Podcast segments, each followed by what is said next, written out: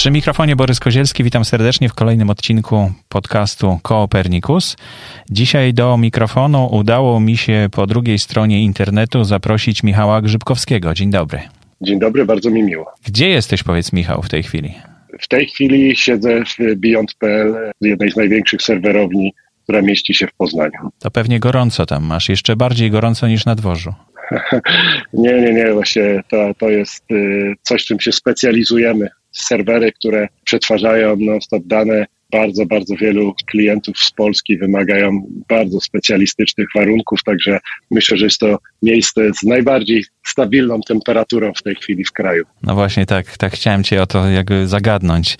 E, ale to do tej firmy zaraz wrócimy. Najpierw chciałem powiedzieć, kim jesteś, e, bo słuchacze być może cię nie znają, mogą zajrzeć do opisu oczywiście i sobie poczytać i pochodzić po internecie. Już o jednej firmie, o jednej stronie internetowej wspomniałeś, beyond.pl, ale jesteś absolwentem Uniwersytetu Ekonomicznego w Poznaniu a potem studiowałeś na Oxford University. Tak, to prawda. Miałem przyjemność e, studiować e, w Poznaniu i spotkałem tam fantastycznego profesora, profesora Wojciecha Celarego, który tak naprawdę e, można powiedzieć, że zmienił moje życie. Wskazał mi drogi, którymi później się poruszałem.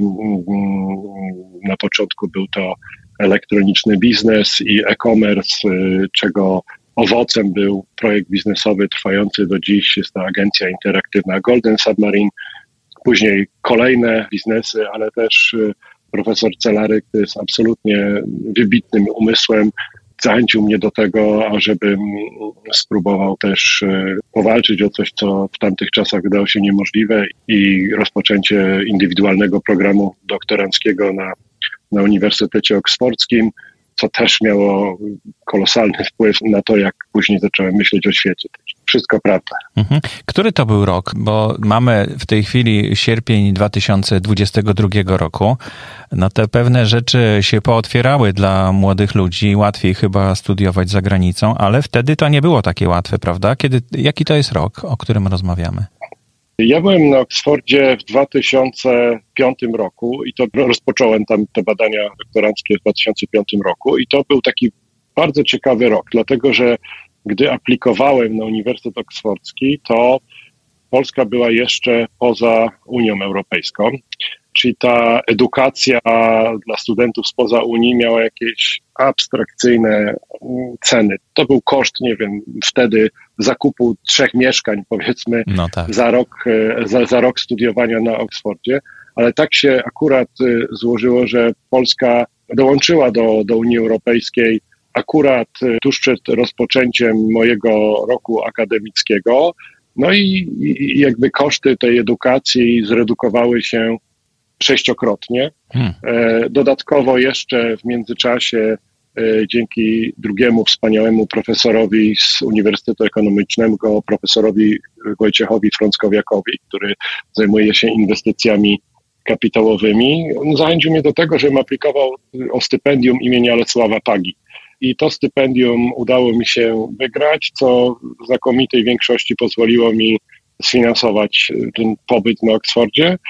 A dalej ta historia jest, jak już jesteśmy przy, przy kosztach edukacji, też taka dosyć niezwykła, bo Uniwersytet Oksfordzki e, jako sama, jako instytucja ma relatywnie małą władzę w ramach tej federacji koledżów oksfordzkich, które go tworzą. Bo każdy koledż to jest niezależna instytucja, ma niezależny majątek, sam się finansuje, oczywiście specjalizuje się w konkretnych e, dziedzinach edukacyjnych i przyjmuje studentów czy doktorantów z tych specjalizacji, których po prostu ma tam naukowców.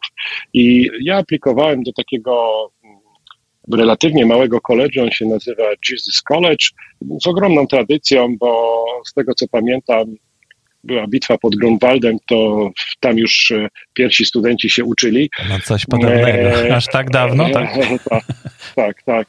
Czyli stary college, który jakby miał pojemność dla, jeżeli tak mogę powiedzieć, dla 300 studentów, 150 doktorantów, no i odpowiednią kadrę naukową. No i, i zaraz przejdę jeszcze do systemu edukacji na Oksfordzie, ale co jest ciekawe, władze tego koledżu, czy go fundatorzy te kilka stuleci temu, wpisali sobie w swój statut, że będą instytucją charytatywną.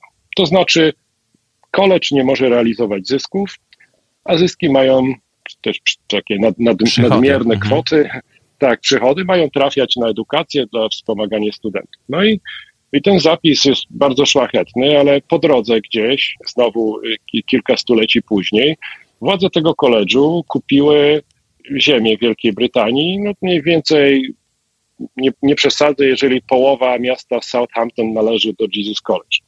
No i efekt jest taki, że o czym oczywiście nie wiedziałem, że Jesus College jest tak zamożnym koledżem, że ja miałem tam co 2-3 tygodnie rozmowy z moim dziekanem, który mówił, Michał, słuchaj, no wiesz co, mamy trochę pieniędzy, tutaj wiosłujesz dla naszego koledżu, może byś sobie kupił ciuchy, a może byś sobie poleciał do Nowego Jorku, do biblioteki. Bo pieniądze muszą być wydane, rozumiem. Tak, mhm. tak, bo muszą być wydane, więc im dalej w te badania doktoranckie, że tak powiem, się zagłębiałem, to, to, się później okazywało, że na wszystko są pieniądze. Byłem sześć razy w Stanach Zjednoczonych, miałem tam, napisałem jakiś artykuł naukowy z profesorem Wójcikiem i miałem okazję wygłosić go na Uniwersytecie Harvarda i to, to wszystko po prostu ten college płacił i, i na koniec, już zamykając finansowo tą historię, to, to wydaje mi się, że, że więcej w tym koledżu wydano na mnie niż ja zapłaciłem E, za, za edukację tam. Także to, to, to była kompletnie wyjątkowa historia. A jeżeli chodzi o, o jakość edukacji na Uniwersytecie Oksfordzkim, no to tam do dzisiaj funkcjonuje tak zwany system tutoriali, czyli jeden profesor przypada na jednego doktoranta. W niektórych koleżach ze względu na też charakterystykę badań jest tak, że jeden profesor opiekuje się dwoma doktorantami. No i to wygląda tak, że studiując tam można pójść na każdy wykład, ale absolutnie każdy, który doktorant uzna, że jest interesujący. Także ja chodziłem na wykłady na oksfordzkim MBA-u, słuchając wiceprezesów Microsoftu, robiąc ćwiczenia biznesowe, ale równie dobrze chodziłem sobie na wykłady z fizyki teoretycznej, mhm. żeby dowiedzieć się mm, jakichś tam ciekawych rzeczy i, i przełomów w, w nauce. Także oferta edukacyjna była całkowicie mm, dostępna. A z drugiej strony mój profesor spotykał się ze mną co poniedziałek o 9 rano po, po wspólnym śniadaniu to, też jest ważne, bo jakby te oksfordzkie koledże składają się, to, są takie mal, malutkie właściwie wioski wewnątrz tego, tego miasta. I, I w każdym koledżu jest czynna całą dobę biblioteka. Jest taki dining hall troszeczkę przypominający ten z filmu Harry Potter, który notabene też był kręcony w Oksfordzie, ale w innym koledżu. I tam, i, tam są, I tam są trzy albo cztery posiłki dziennie. Każdy student ma swój pokój, w którym mieszka samodzielnie, w którym jest oczywiście biurko i tak dalej, i tak dalej. No i są jeszcze tam dodatkowe jakieś takie miejsca do spotkań. Także można nawet, można zaryzykować takie stwierdzenie, że wchodząc do swojego koledżu, można nie wyjść z niego przez dwa lata naprawdę na ulicę mm -hmm, i niczego nie będzie brakować, bo w bibliotece danego koledżu są wszystkie książki, ze specjalizacji mhm. związanej z, z jak doktoratem czy nauką danego studenta. Także to jest, to jest miejsce surrealistyczne. Ja Ide, idealne się, że... warunki do pracy i do nauki, tak? No po prostu coś tak, fantastycznego. Tak, tak. No i tak y, podsunąłeś taką myśl, o której ja wcześniej nie myślałem, żeby zastanawiać, żeby szukać szkoły, która na przykład właśnie jest tak jak tutaj ta uczelnia, o której mówisz, non-profit, czyli czyli żeby szukać takich e, rozwiązań, które zmuszają tą uczelnię do wydawania pieniędzy e, na, na studentów czy na prace naukowe, to, prawda? Tak, to, to, był, to był kompletny przypadek. E, w, w ramach Uniwersytetu Oksfordzkiego jest kilkanaście takich zamożnych koledży, ale są też koledże, które po prostu splajtowały od tego czasu, czy też musiały się połączyć z innymi, bo, bo finansowo nie były w stanie tego zrobić. Także to, to, to był zupełny przypadek. Równie mm -hmm, dobrze mogłem mm -hmm trafić do koledżu innego i, i też y, ta sytuacja mogłaby wyglądać inaczej. To jeszcze do tego wrócimy, jak, y, jak, jak, jak przebiegała Twoja ścieżka kariery. Jeszcze na początku chciałbym Cię troszkę bardziej przedstawić, bo jesteś autorem książki Kryptowaluty. Dlaczego jeden bitcoin będzie wart 1 milion dolarów? Taki jest y, to, tytuł to rozbudowany tej książki. Już drugie wydanie, zdaje się, tak? Ukazało się w tej chwili. Tak. Tak, to prawda, to prawda, to jest też ciekawa historia. Ja interesowałem się technologią blockchain, czyli po polsku wolę mówić łańcucha bloków od mniej więcej 2013 roku i gdzieś około 2017 roku moi bliscy znajomi pytali mnie, jak ten, co chodzi z tymi bitcoinami, jak je kupić, jakie są ryzyka. I najpierw napisałem taki poradnik, może na 3-4 strony, który przesyłałem WhatsAppem do, do osób, które po prostu mnie o to pytały, jako takie, jak taki zwykły poradnik, na co, na co uważać. No i, i się okazało, że, że, że, co chwilę ktoś mnie o to pyta, więc stwierdziłem, że, że spiszę to w coś większego. No ale jak zacząłem to pisać, no to najpierw się zrobi 80 stron, potem 150, potem 250, mhm. no bo chciałem uporządkować tą wiedzę. Na polskim rynku nikt do tej pory tego nie zrobił. Chciałem stworzyć taką Biblię wiedzy w cudzysłowie o kryptowalutach i łańcuchu bloków, ale nie jako poradnik inwestycyjny na zasadzie jak tu zostać milionerem w trzy tygodnie, tylko solidnie opowiedzieć, jak to działa, jakie są ryzyka i tak dalej. Jeżeli ktoś e, przeczytał moją książkę, czy słuchał audiobooka, czy czytał e-booki, to mimo, że jestem entuzjastą technologii, to tam jest dużo więcej ostrzeżeń i takich pytań niż yy, specjalnej zachęty. I może dlatego ta książka też spotkała się z tak, z tak dobrym odbiorem. Teraz właśnie skończył się dodruk, kolejna partia trafiła mm, książki na rynek. Czyli możemy szukać albo w księgarniach, albo w bibliotekach tej książki. Albo też y, można ją kupić na kryptowaluty edu.pl. To sama domena pokazuje, że to książka edukacyjna. Mhm. To był 2013 rok, jak zaczynałeś tą pracę nad tą książką. To wtedy jeden bitcoin był e, chyba tańszy niż jeden dolar, tak? Dobrze pamiętam? Nie, to w, w 2013 roku ja się zainteresowałem technologią. W 2016-2017 przyłożyłem się do napisania pierwszej edycji książki, Aha. która miała białą okładkę a pół roku temu wyszła druga edycja książki, poszerzona, uzupełniona, która ma czarną okładkę. Także tak wygląda jakby chronologia. Ja, ja zacząłem zgłębiać tą technologię oczywiście około 2013 i wtedy, wtedy te, te bitcoiny były po około, no, no nie, nie dolarze, ale z tego co pamiętam, około 170 dolarów czy 100 dolarów, to takie Aha. wyceny były mhm. za sztukę, tak. No bo w tej chwili to jest 70 y, tysięcy dolarów? Jeden bitcoin? Nie, nie, w tej chwili to jest około 22 tysięcy dolarów, a, a, ale rzeczywiście około 70 tysięcy dolarów y, takie wyceny mieliśmy w zeszłym roku dwa razy i no to jakby te wahania cen i cała, cała jakby specyfika tego rynku to też jest duży element y, mojej książki, który ja staram się wytłumaczyć, ale też przestrzegam przed tym, bo trzeba mieć naprawdę jeżeli ktoś chce, chce handlować i zarobić na, na kryptowalutach, to trzeba mieć nerwy ze stali albo z tytanu. No, skoki są niesamowite, nieporównywalne do żadnej innej waluty, bo no, stąd ta nazwa chyba kryptowaluta, że to po prostu nie jest waluta, tylko to jest taki e, coś zupełnie no. innego. Ale już trzy kraje to, to, to, bodajże używają e, bitcoina, prawda? Jako waluty w swoim kraju. Tak, tak, tak. Używają jako prawny środek płatniczy i, to jest jakby no, polityka monetarna tego, tego, y, tych państw. Natomiast y, Bitcoin jest legalny na całym świecie właściwie z wyjątkiem siedmiu czy, czy ośmiu państw. Różny ma status prawny. W jednych miejscach traktowany jest jako towar, innym jako moneta cyfrowa, której eminentem jest nie instytucja, tylko algorytm, który reguluje podaż tych bitcoinów i, i sposób rozliczania. E, no, dla mnie to jest e, rewolucja, bo to jest system rozliczeniowy oparty na prawach matematyki, a nie na prawach ludzi. Mhm. I każdy, kto miał jakiś kontakt z bankiem w różnej konfiguracji, gdzie trzeba było zrobić przelew na jakąś większą kwotę, a nie daj Boże wpłacić uczciwie zarobioną gotówkę, miał takie poczucie, że że coś jest nie tak, że to są moje pieniądze, a, a bank tutaj sprawdza za mocno może y, źródła pochodzenia, czy, czy, czy, czy to, to, to się wiąże z jakimś tam, jakimś tam stresem. No, procedury w bankach związane z tą kontrolą przepływu y, pieniędzy są tak y, ostre w tej chwili, że mm, nawet uczciwi ludzie mają stres z tym związany.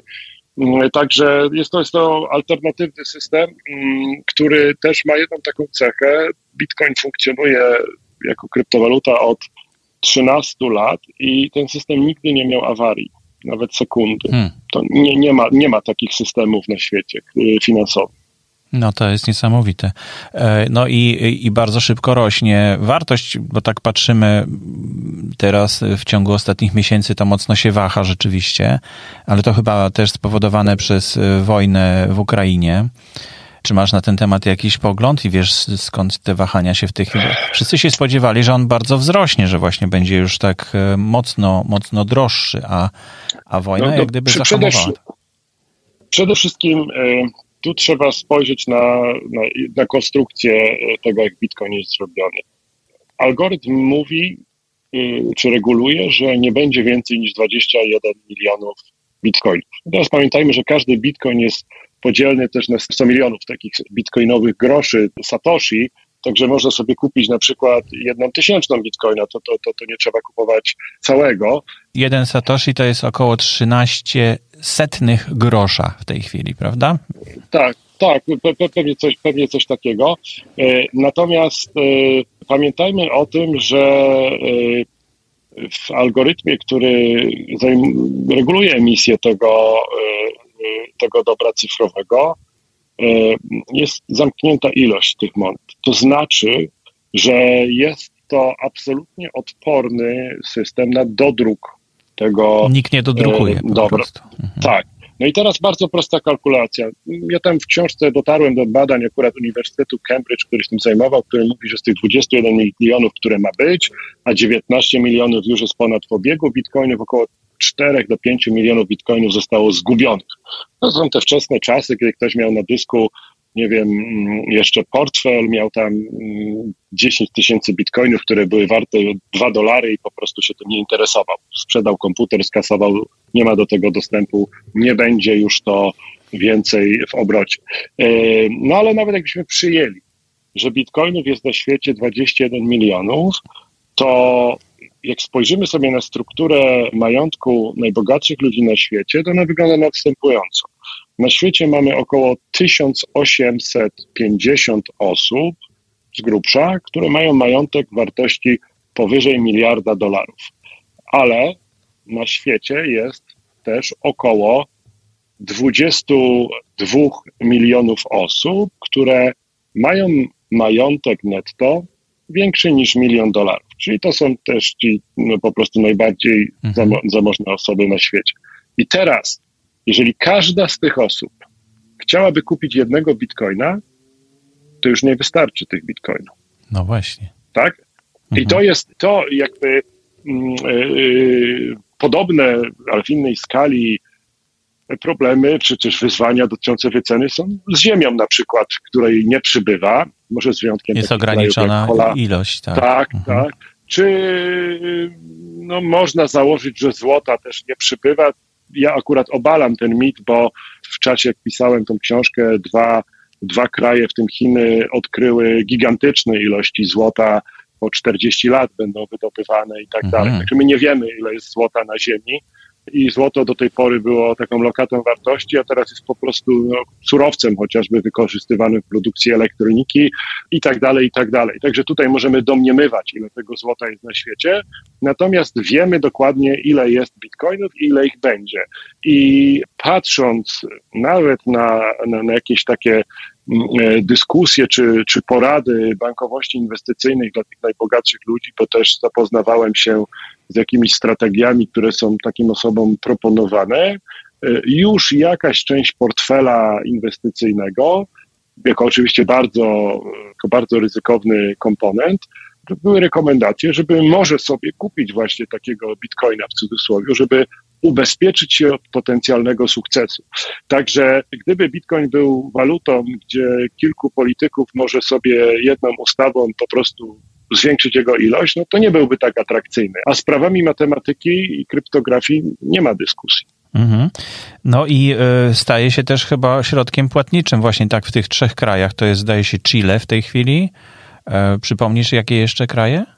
Znaczy, na pewno, na pewno Salwador. A, Salwador, a, tak, pierwszy chyba był. Tak, i, i któryś z krajów karaibskich, a dalej, dalej, y, dalej jakby nie, nie potrafię tego wymienić, nie chcę wprowadzać w błąd, bo to też się zmienia. Niektóre kraje zadeklarowały, ale w sumie jeszcze tego Aha. nie uchwaliły. Ale też miejmy świadomość, że to nie jest tak, że bitcoinami nie można zapłacić. Ja bitcoinami mogę zapłacić kupując sobie mm, Coca-Colę y, w żabce gdziekolwiek, bo wystarczy wyrobić sobie y, kartę płatniczą. Jest kilka firm, które to robią.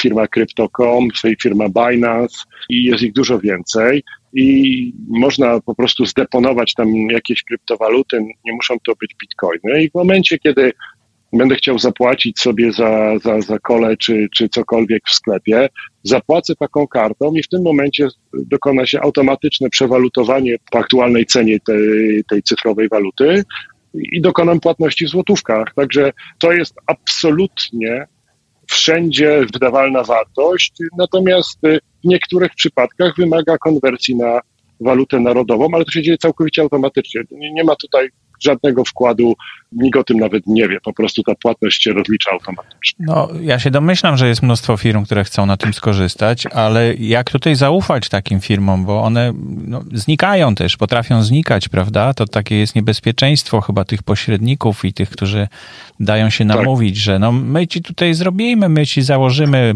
twój portfel, proszę bardzo, daj nam te swoje złotówki, my ci kupimy y, bitcoina, a potem nagle taka firma znika, prawda? I to jest, i to jest y, ogromny problem. Ja postarałem się tutaj zawrzeć takie siedem przykazań głównych, które też jest w książce w zakresie tego, jak, jak nie dać się oszukać, ale on się sprowadza do jednej, jedynej y, porady. Po pierwsze, jeżeli posiadamy klucze cyfrowe do swojego portfela, to są takie tam kilkanaście wyrazów albo ciąg znaków, to mamy nad nim kontrolę. Czyli nikt nie jest w stanie bez tych y, kodów dostępu tych naszych kryptowalut wydać. I to są tak zwane portfele, które są zarządzane przez użytkownika. Natomiast jeżeli my przelejemy jakieś środki, czy są to kryptowaluty, czy są to złotówki, na przykład na jakąś giełdę, to tak naprawdę działamy w zaufaniu, pytanie czy popartym czymkolwiek, do tego, że taka instytucja nas nie oszuka. I jeżeli ktoś handluje na giełdzie, oczywiście to, to wiąże się z gigantycznym ryzykiem e, kursowym, to ja polecam, żeby po każdej transakcji wypłacić sobie z tej giełdy te kryptowaluty czy środki do portfeli, które sami kontrolujemy. No bo dochodzi do patologii i ponad 60% giełd e, w historii mm, tej 13-letniej bitcoina po prostu splajtowało, albo udało, że splajtowało, albo okradło niewinnych ludzi i prowadzone są śledztwa, które pewnie nie za bardzo doprowadzą do odzyskania tych mhm, kwot. Mhm. Także bitcoiny i kryptowaluty są nasze, tylko i wyłącznie jak znajdują się w portfelu, nad którym mamy kontrolę. I to wszystko. Mhm. Bo jak już sobie y, zamienimy bitcoiny, czy, czy te ułamki bitcoina, oczywiście, bo chyba rzadko kto ma całego bitcoina e, w tej chwili na, na Satoshi, no to wtedy też przechodzimy na jakąś taką y, stronę, że musimy ufać tej firmie, która, do której zamieniamy te, te, te, te bitcoiny na Satoshi? E, no, tutaj akurat w Polsce jest sprawa dosyć e, dobrze uregulowana bo działa kilka kantorów kryptowalutowych, które działają na licencji małej instytucji płatniczej, czyli spełniają wymogi narzucone przez KNF. E, no i taka instytucja, taki, taki kantor kryptowalutowy dokonuje wymiany, tak jak, tak jak taka strona jak walutomat.pl na przykład, czy cinkciarz.pl, wymieniamy euro na złotówki albo cokolwiek tak tutaj możemy sobie wymienić bitcoin na złotówki z powrotem, no i ze względu na to, że to jest regulowana część rynku, no to te pieniądze później trafiają na y, prywatne konta w banku, no i banki nie mogą odmówić też jakby współpracy z takimi podmiotami, no bo jest to sama regulacja, która mhm. wpływa na banki. Także, także akurat takie wymiany jeden do jeden, bez jakiegoś handlu, bez jakiejś dźwigni, bez jakichś operacji takich typowo giełdowych, to na terenie Polski na pewno można znaleźć e, instytucje, które po prostu podlega pod te regulacje i, i można to sobie dosyć bezpiecznie zrobić. Warto też wspomnieć o tym, że wiele zwykłych kantorów, takich tradycyjnych, ma kryptoterminale. To jest kilkaset punktów w Polsce, gdzie można sobie pójść, e, przekazać tam fragment bitcoina, odebrać gotówkę, albo wpłacić gotówkę, odebrać bitcoiny. Oczywiście to wchodzi też w regulacje, które są w Polsce. Powyżej pewnych kwot temat jest e, zgłaszany do GIF-u i też trzeba zapłacić o od tych zysków jakieś tam odpowiednie podatki, no ale to jest jakby system prawno-podatkowy, w którym funkcjonujemy, nie ma tu żadnych zaskoczeń. Natomiast e, nie jest to e, żadna szara czy czarna strefa, a badania, które też przytaczam w książce, pokazują, że kryptowaluty, na pewno Bitcoin jest bardzo, bardzo nieprzydatny do transakcji nielegalnych, dlatego że ten rejestr jest całkowicie jawny.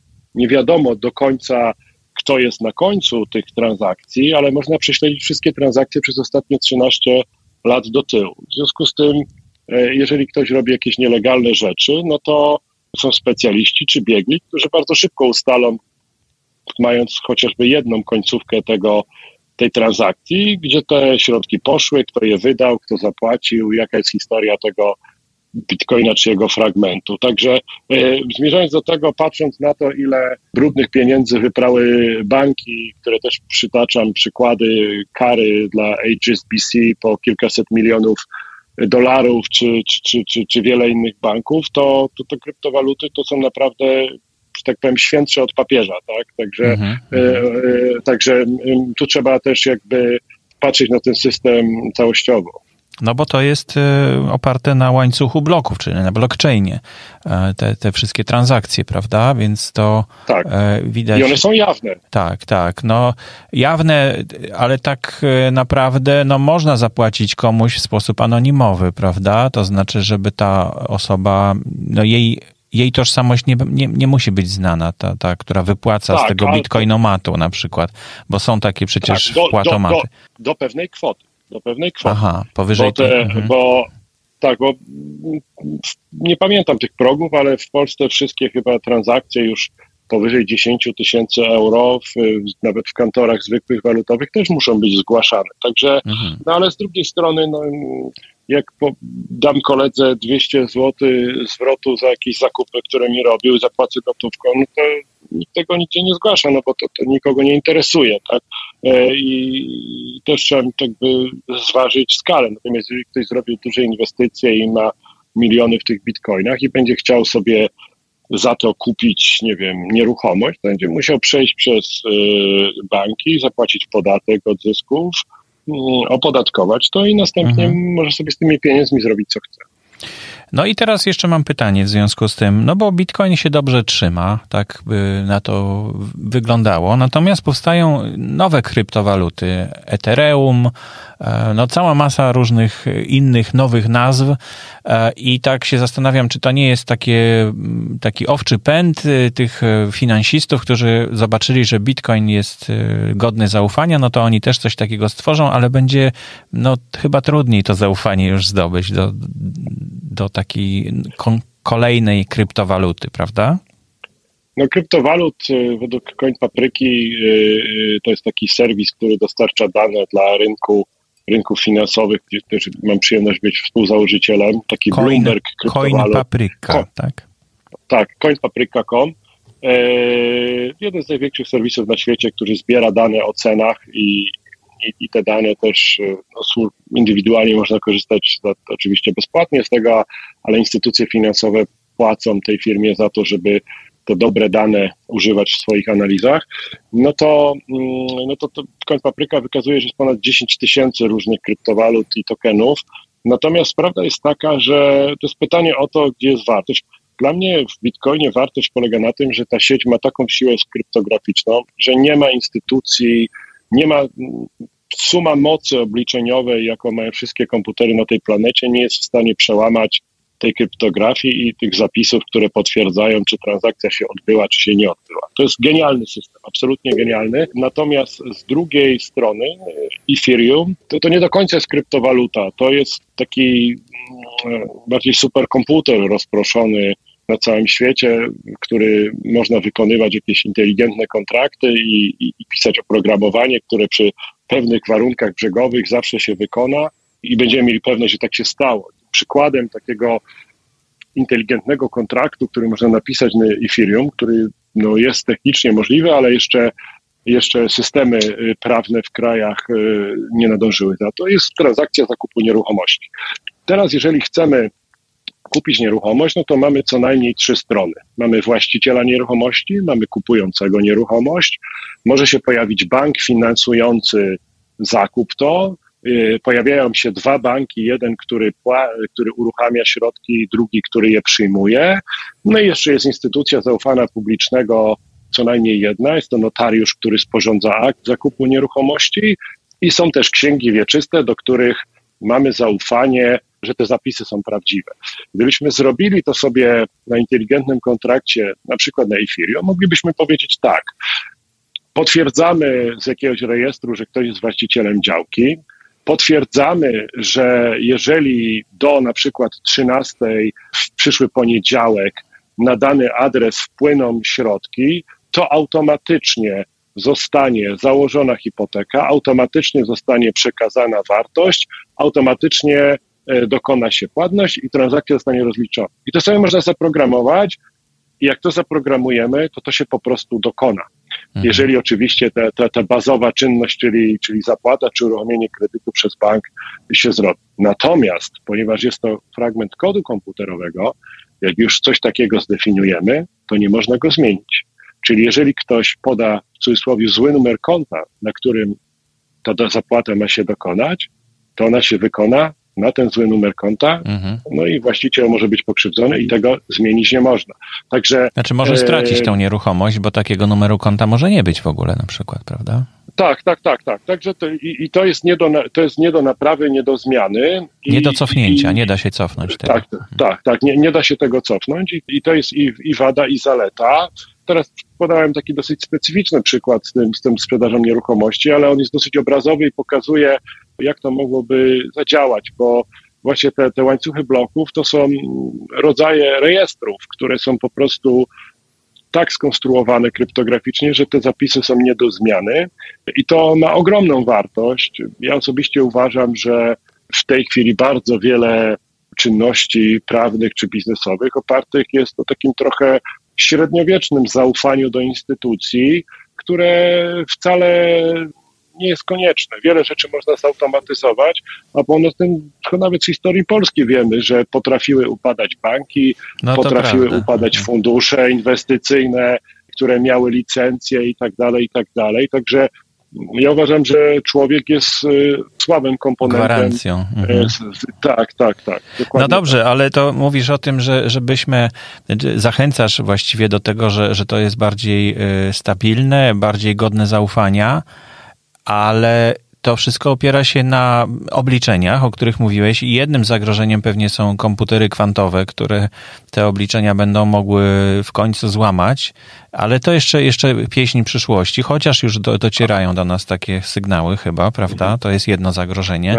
No drugie zagrożenie to chyba takie, że e, wszystko zależy od prądu. No jak zabraknie prądu na całym świecie na przykład w jednym momencie przez, przez godzinę nie będzie prądu wszędzie, Mhm. Bo, bo słońce wypluje, nie wiem, jakiegoś, jakiś, jakiś obłoczek w kierunku Ziemi i po prostu wszystkie systemy elektroniczne padną.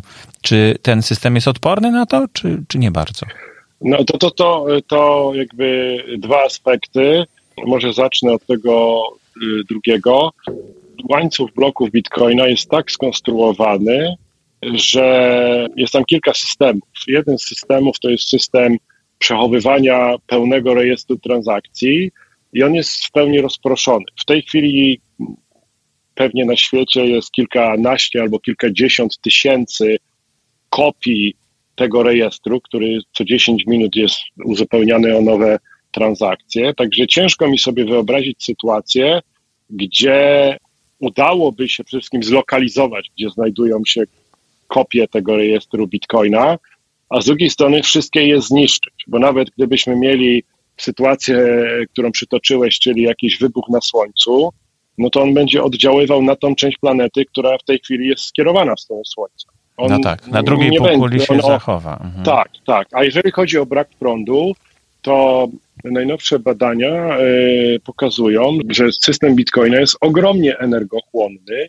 i ja tutaj się zgodzę z Billem Gatesem, że dla mnie to nie jest żaden problem. Dla mnie problem jest wtedy, kiedy ta energia jest pozyskiwana ze źródeł kopalnianych. A najnowsze badania pokazują, że ponad 65% całej sieci Bitcoina y, jest zasilane zieloną energią.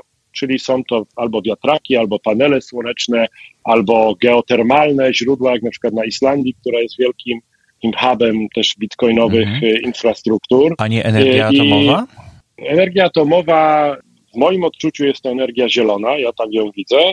Natomiast y, no, Bitcoin jest o tyle jakby ciekawy z tej konstrukcji, że wymaga dużej mocy y, elektrycznej, obliczeniowej, żeby system działał, ale wymaga też bardzo malutkich przepustowości, jeżeli chodzi o, o łączność. To są jakieś minimalne wartości i bardzo często te infrastruktury bitcoinowe budowane są w miejscach, które produkują prąd, ale tego prądu nie można odebrać, mhm. bo nie ma na przykład kabli. I jest to na przykład tama na jakimś bardzo odległym jeziorze w Kanadzie, tak, gdzie obok jest wioska, gdzie mieszka 15 osób i tam na przykład na tej tamie jest 3 MW prądu odbierane i od razu dostarczane do bitcoinowej kopalni, która zajmuje się właśnie tymi, tymi obliczeniami, czy, czy system takim troszkę opartym na losowaniu y, do prawa podpisania tych, tych kolejnych bloków w łańcuchu bloków. Także to, to, to nie jest jednoznaczne. Także tutaj jakby ten argument, się prąd skończy, jestem przekonany, że nie ma takiej możliwości, żeby któryś z kopii rejestrów został zagrożony, na całym świecie, bo wystarczy jeden, żeby się odbudować. A jeszcze wróćmy do pierwszego tego wątpliwości, czyli komputera kwantowego. To jest jakby zupełnie inna skala jakości przetwarzania danych i szukania obliczeń. Natomiast technologia, która stoi za Bitcoinem, działa w ten sposób, że co jakiś czas, on jest też definiowany w algorytmie y, o jakąś tam ilość bloków, system sprawdza, jak dużo jest mocy obliczeniowej w jego sieci. Jeżeli nagle ta moc przyrasta, to automatycznie trudność rozwiązania tych A, zagadek matematycznych, tych puzli się, się komplikuje. I teraz pojawienie się jakiejś skrajnie wysokiej mocy, która od razu będzie widać, że któryś tam węzeł zaczyna liczyć to nie w 10 minut, tak, na przykład tą zagadkę tylko robią w 2 sekundy, tak? Aha, no właśnie. E, to, mhm. to, jest, to, to jest sygnał dla tego systemu, i za chwilę na tych, od razu ta trudność tych, rozwiązywania tych zagadek mm -hmm. urośnie -hmm. do takich wielkości, że komputer kwantowy będzie po prostu miał taki sam problem jak do tej pory inne tradycyjne mm -hmm. komputery. Także te, ten, system, ten system i od początku jest zaprojektowany do dostosowywania nagrody do podaży mocy obliczeniowej, która w jego całej sieci jest, którą widać, bo to można sobie śledzić na żywo ile tych tam egzahaszy y, mocy jest w tej mhm. chwili dostępne i jak wiele komputerów z jaką mocą walczy o to, żeby wygrać prawo do podpisania kolejnego bloku. Mhm. No, temat, e, jak widać, samej kryptowaluty, czy, czy bitcoina, to już jest duży. Już, już dzisiaj dużo czasu zajęliśmy, a jeszcze jest NFT. No i łańcuch bloków, o którym trochę wspomnieliśmy, bo, bo na tym się opiera kryptowaluta e, bitcoin, e, ale ona używana, znaczy łańcuch bloków może być używany do mnóstwa innych rzeczy i to jest właśnie też chyba fascynujące. To chyba zostawimy sobie na kiedy indziej jeszcze, jeśli się zgodzisz Dobrze. kiedyś Je, jeżeli, jeżeli, jeżeli jeżeli ktoś jest ciekawy właśnie tych zastosowań, y, gdzie tak naprawdę traktujemy łańcuch bloku jako taki zaufany rejestr, to popełniłem właściwie jedną trzecią książki na ten temat w, takiej sekcji przyszłość, która pokazuje, jak można to wykorzystać w logistyce, w działalności charytatywnej, w rozliczaniu praw na przykład do zielonej energii i tak dalej, i tak dalej. Także ilość zastosowań jest ogromna. No właśnie, to, to odsyłamy na razie do książki w takim razie, tak? Czyli kryptowaluty, dlaczego jeden bitcoin będzie wart 1 milion dolarów. To jest ciągle ta sama książka, tak? Tak, tak, tak, tak. tak. Świetnie. No chciałem Ciebie jeszcze tylko zapytać o taką rzecz, bo to też naszych słuchaczy będzie interesować zapewne. Jak to się stało, że, że, że zacząłeś się interesować w ten sposób nauką i trafiłeś w końcu na Oxford? A w tej chwili już e, ciężko z tobą się w ogóle umówić, bo masz bardzo zajęty czas i, i, czy ty się spełniasz w tym, czy, czy to jest dla ciebie za dużo i musisz odpocząć? Jak to wygląda? Czy to, czy to cię napędza, ta, ta energia, którą zużywasz, ale jednocześnie otrzymujesz? To, to, są, to jest pytanie o wewnętrzną motywację. Na pewno osobiście dla mnie firmy, które współtworzyłem, czy w które miałem przyjemność zainwestować, mają wartość finansową, ale przede wszystkim dają mi możliwość rozmawiania z ludźmi mądrzejszymi ode mnie i bycia na krawędzi technologii. I to jest strasznie stymulujące intelektualnie. Także dla mnie jakby praca czy współpraca z mądrymi ludźmi, możliwość uczenia się od nich, możliwość wymiany poglądów, możliwość obserwacji tego, jak ten świat y, codziennie się zmienia w obszarze technologii, to jest wartość absolutnie większa niż jakiekolwiek pieniądze, które można zarobić. I to jest to, co mnie motywuje. Także no, lubię też y, dzielić się, się wiedzą, raz po raz, y, raz po raz występuję na jakichś konferencjach czy, czy, czy wykładach, czy, czy właśnie ta książka jest tego typu działalnością, dlatego że wychodzę z założenia, że im większa świadomość społeczeństw i, i, i, i ludzi, a w szczególności młodych ludzi wchodzących w ten, w ten nowy świat, tym jest to bezpieczniejsze, tym jest to, tym jest to lepsze. Także czy byłbym gotowy y, nic nie robić? No myślę, że pewnie przez godzinę, tak, bo po godzinie bym sobie od razu wymyślił jakieś, e, jakieś tam zadanie, czy czegoś zacząłbym się uczyć, czy czymś interesować.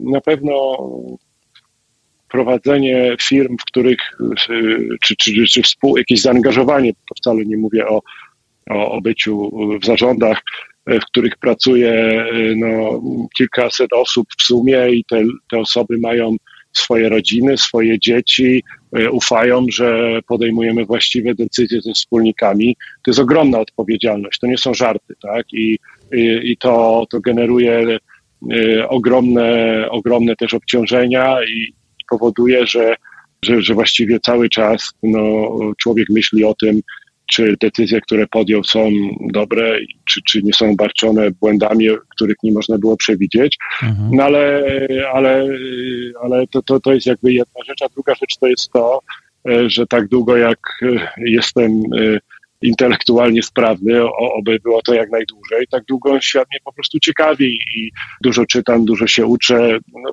żyjemy w najlepszym chyba okresie naszej cywilizacji, bo ja miałem analogowe dzieciństwo, a potem wymyślono internet i miałem cyfrową młodość i teraz mam cyfrowe biznesy. I, i takie, te, te, to, to pokolenie ma specjalną nazwę. To tylko 6, 6 lat y, to trwało.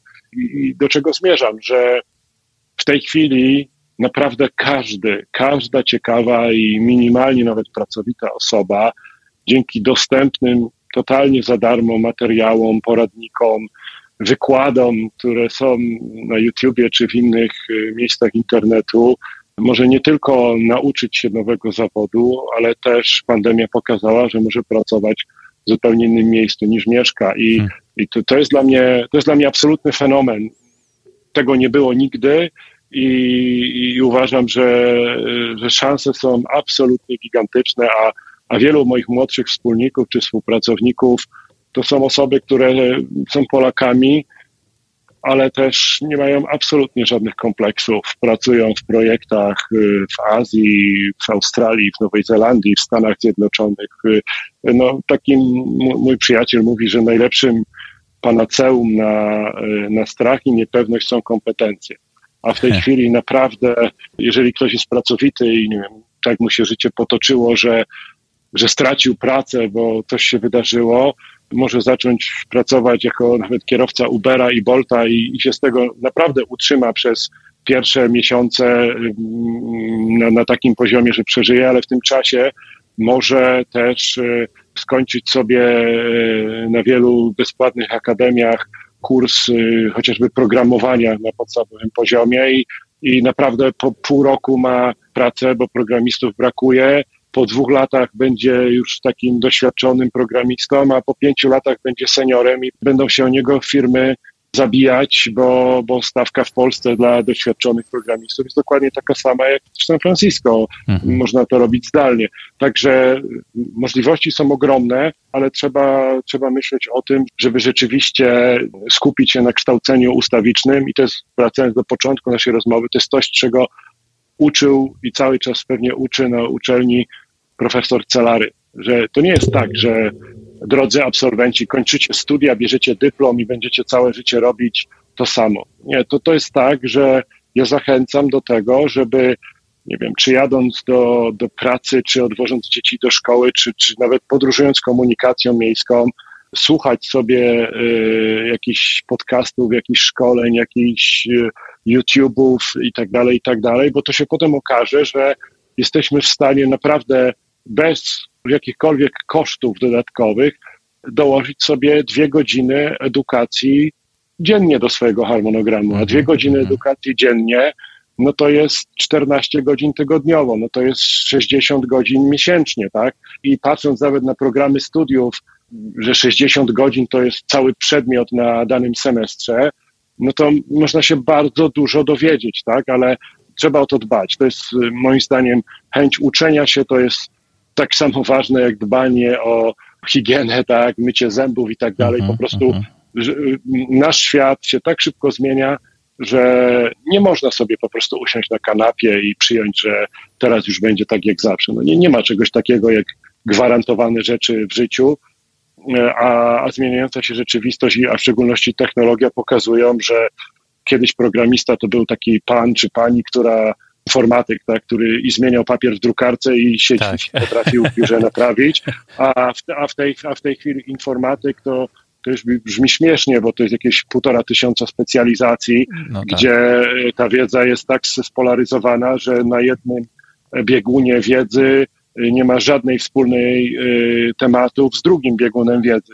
nie wiem, programista urządzeń sieciowych, no niewiele ma wspólnego z osobą, która zajmuje się na przykład analityką big data i, i, potrafi wyciągać jakieś tam dane z wielkich zbiorów mm-hmm, danych. Mm-hmm.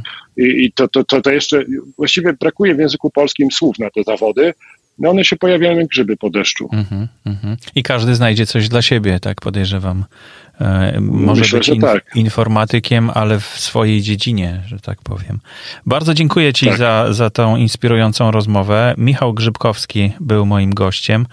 Zajrzyjcie, zajrzyjcie, drodzy słuchacze, do notatek. Tam będzie dużo linków do rzeczy, o których rozmawialiśmy. No i cóż, życzę miłej podróży, bo lecisz na drugą półkulę? Lada moment? Tak, tak, tak. Wy, wy, wy, wylatuję niedługo też y, do Stanów Zjednoczonych. Tam też mam, liczę na kilka dobrych spotkań, inspirujących y, konferencji. Także dziękuję, dziękuję za rozmowę. Było mi bardzo miło. Do usłyszenia. Mam nadzieję, następnym razem porozmawiamy o tych pozostałych rzeczach, o których jeszcze nie udało nam się dzisiaj porozmawiać. Z przyjemnością. Dziękuję bardzo.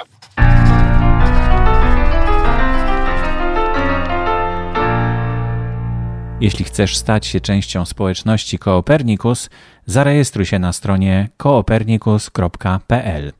Jesteśmy na Instagramie, LinkedInie, Facebooku i Twitterze.